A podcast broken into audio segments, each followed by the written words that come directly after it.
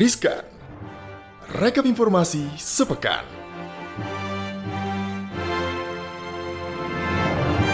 Halo Sobat Cuan semuanya, selamat pagi, selamat siang, selamat sore, selamat malam. Balik lagi di Riskan, Rekap Informasi Pekan bersama saya Bramudia Prabowo dan pastinya ada rekan saya. Safira Wardoyo. Nah, kita bakal nyampein informasi apa aja sih kiranya yang lagi happening, lalu juga yang uh, banyak diklik oleh Sobat Cuan di cnbcindonesia.com. Nah, ini informasi yang pertama adalah akhirnya restoran dan kafe di DKI Jakarta boleh buka sampai jam 12 malam. Nah, ini pemerintah memutuskan untuk memperbolehkan restoran, rumah makan, hingga kafe dengan jam operasional dimulai dari malam boleh beroperasi. Nah, ini yang dari sore sampai ke malam gitu ya operasinya. Dan aturan ini hanya boleh berlaku di daerah-daerah yang berstatus pemberlakuan pembatasan kegiatan masyarakat atau yang biasa kita kenal PPKM, yaitu PPKM level 2 di mana Provinsi DKI Jakarta merupakan salah satu kawasan yang kini berstatus sebagai wilayah PPKM level 2. Aturannya kayak gimana sih, Sof?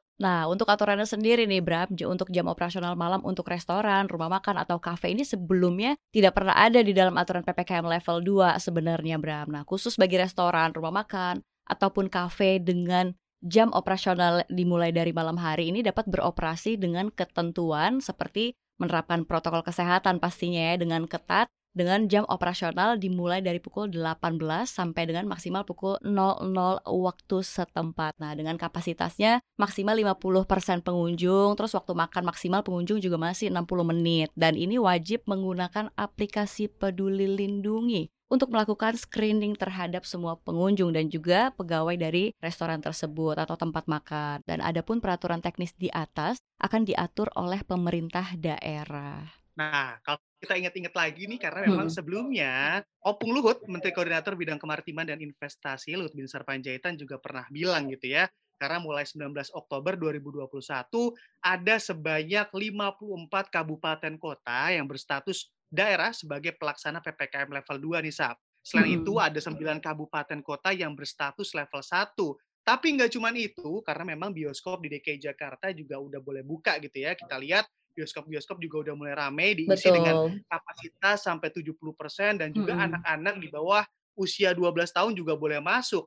Tapi yang pasti harus didampingi orang tua dan juga tetap menerapkan protokol kesehatan yang ketat. Pastinya. Ini by the way udah coba ke mall atau nonton bioskop, Bram? Belum nih, Saf. Mungkin nanti kali ya. atau masih agak-agak parno nih? Asal kita terapin protokol kesehatan, kayaknya kita bakal. Dan pastinya Amin. nih, karena memang udah mulai dibuka, langsung PPKM juga udah dilonggarin. Hmm. Tapi kita tetap waspada karena masuk juga nih ke informasi yang kedua di mana hmm. waspada gelombang tiga COVID memang belum lewat karena Aduh. kalau kita lihat gitu ya koordinator hmm. pemberlakuan pembatasan kegiatan masyarakat Jawa Bali juga sekaligus Menteri Koordinator Bidang Maritim dan Opung Investasi, lagi nih ya Opung lagi mengingatkan bahwa potensi gelombang ketiga ini uh, masih mengintai begitu bagi tanah hmm. air karena memang Opung Luhut juga mengaku gitu atau menjelaskan hmm. telah mendapatkan peringatan langsung nih uh, dari Presiden Joko Widodo karena memang dalam uh, evaluasi kebijakan pemberlakuan pembatasan kegiatan masyarakat Jawa Bali dan luar Jawa Bali kata hmm. Luhut Presiden mengingatkan banyak kegiatan yang kadang-kadang agak mengabaikan protokol kesehatan. Nah ini yang sangat disayangkan sekali ya, ya.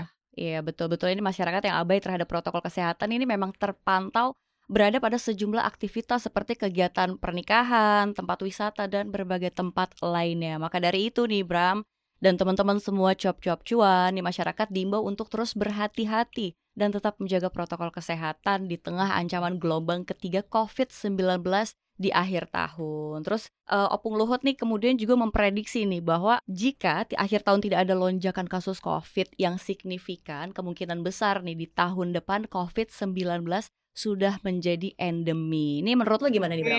Amin, amin, amin. Amin banget sih. Yang pasti amin, kita ya. berharap yang terbaik ya dari segala yeah. proyeksi yang ada. Karena memang pemerintah juga kita ketahui begitu hmm. tengah mengusahakan ketersediaan adanya obat antivirus hmm. COVID-19, termasuk juga obat oral malnupiravir besutan -hmm. perusahaan farmasi dari Amerika Serikat Merck Co. Nah, kira-kira hmm. untuk berita tiga nih atau berita selanjutnya kayaknya seru ini, nih, Saf. Coba. Ini untuk selanjutnya masih seputar-seputar uh, update-update tentang perkembangan COVID-19 di Indonesia. Kita tahu sebuah kasus ya sudah melambai-melambai cuman tetap kita harus waspada. Cuman dari uh, perkembangan kasus ini memang ternyata nih uh, biaya umroh jemaah RI mau turun. Nah, ini dikabarkan nih calon jemaah Indonesia akhirnya bisa kembali melakukan umroh dalam waktu dekat. Nah, hal ini dicapai setelah Indonesia dan Kerajaan Arab Saudi menandatangani nota diplomatik ini pada tanggal 8 Oktober 2021 yang lalu nih yang membuka pintu bagi jamaah asal Indonesia untuk masuk ke negara tersebut. Namun Bram, ini salah satu pertanyaan yang muncul adalah soal biaya. Nah ini sebelum pandemi COVID-19 biaya umroh lebih murah.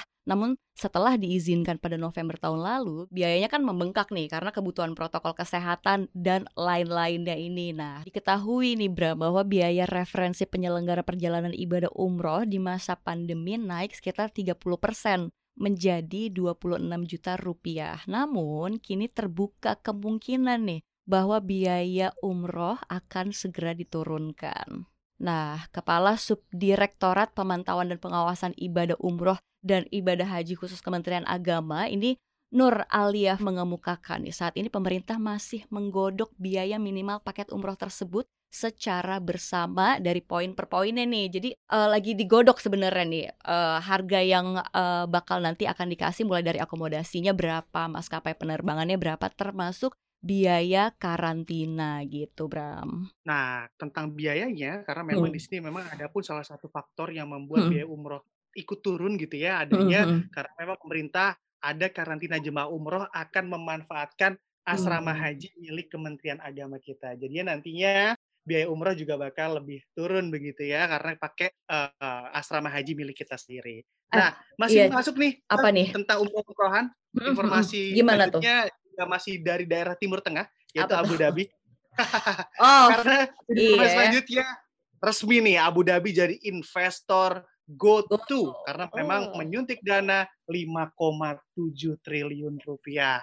Nah, itu sebanyak apa tuh? Karena memang GoTo Group ini ekosistem digital yang mengklaim terbesar di Indonesia menandatangani perjanjian dengan anak usaha Abu Dhabi Investment Authority atau ADIA yang menjadikan ADIA memimpin penggalangan dana pro IPO GoTo dengan investasi sebesar 400 juta dolar Amerika Serikat atau setara dengan 5,7 triliun dengan asumsi kurs 14.000 300. Nah, ini hmm. memang untuk transaksinya jadi kayak gimana sih, Saf, sebenarnya? Ya, kalau transaksi tersebut ini nantinya akan menjadi investasi pertama oleh Departemen Private Equity Adia ke dalam perusahaan teknologi Asia Tenggara dan sekaligus investasi terbesarnya di Indonesia. Nah, Bram nih ada pun juga nih Goto, entitas gabungan Gojek dan Tokopedia saat ini dalam proses untuk melakukan penawaran umum saham perdana atau IPO yang belum ditentukan timelinenya. Tetapi nih informasi Bursa Efek Indonesia menyebutkan bakal dilakukan di awal tahun depan. Nah, siap-siap nih Bram ya.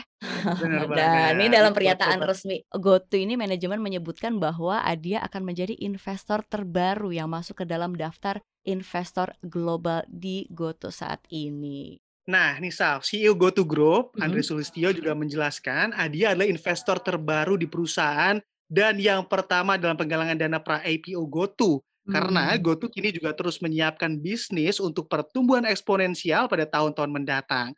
Karena dukungan dengan skala seperti ini juga menegaskan keyakinan bahwa Indonesia dan juga Asia Tenggara akan menjadi tujuan besar selanjutnya untuk investasi teknologi. Wow. Nah, ini juga lebih jauh. Hmm Andri juga menjelaskan bahwa GoTo ini berkomitmen menjalankan misi memberdayakan kemajuan, caranya dengan berfokus meningkatkan taraf hidup dan juga membantu untuk membangun mata pencarian di negara-negara GoTo beroperasi. Nah ini kita harap luar biasa juga uh, akan besar begitu ya bagi bangsa kita. Betul, ini juga Direktur Eksekutif Departemen Private Equities Adia ini nih, Hamad Syahwan Al-Daheri mengatakan nih, investasi Adia di Goto sejalan dengan berbagai tema investasi utamanya si Adia ini Bram. Di mana salah satunya adalah pertumbuhan ekonomi digital di negara-negara Asia Tenggara yang memang berkembang pesat gitu. Adia ini uh, akan menjadi investor terbaru yang masuk ke dalam daftar investor global di Goto saat ini menyusul Alibaba Group, Astra International, Facebook, Global Digital Niaga, Google, PayPal, dan lain-lainnya itu. Nah, si Goto ini juga uh, merupakan ekosistem digital yang diklaim terbesar di Indonesia yang dibangun dari merek Gojek, Tokopedia, dan Goto Financial. Dan Goto Group ini, Bram, menghasilkan lebih dari 1,8 miliar transaksi pada tahun 2020 loh dengan total nilai transaksi brutonya ini sebesar lebih dari 22 miliar US dollar atau setara dengan 315 triliun. Ini pantesan aja Abu Dhabi pada ngelirik ya Bram ya. banget. Dan kita doain bersama dengan kita pantau terus ya. iya, pasti. Apalagi udah mau listing nih, Bram. nah, kita doain juga buat Indonesia juga makin menarik begitu ya, Saf ya dilihat. Iya, benar. Well, makin menarik lagi. Betul. Investor asing masuk berinvestasi di Indonesia karena memang dampaknya besar banget ke negara betul, kita nantinya. Betul. Oke, itu tadi informasi-informasi yang paling hit selama sepekan di Riskan atau informasi sepekan. Kalian juga ataupun Sobat Cuan bisa dengerin kita di Spotify, hmm. Apple Podcast, Google Podcast, lalu juga buat di Instagram dan YouTube-nya di mana, Saf? Nah, kalian bisa follow Instagram cuap cuap cuan di @cuap underscore cuan dan subscribe YouTube channel cuap cuap cuan dan like, share dan komen juga ya. Buat kasih masukan boleh mau dibahas apa biar kita bisa pretelin beritanya biar lebih jelas gitu ya, Bram. Bener banget. Dan gitu. akhirnya saya Bramudia Prabowo pamit. Saya Safira Wardoyo. Sehat selalu, sampai jumpa. Sehat selalu, bye.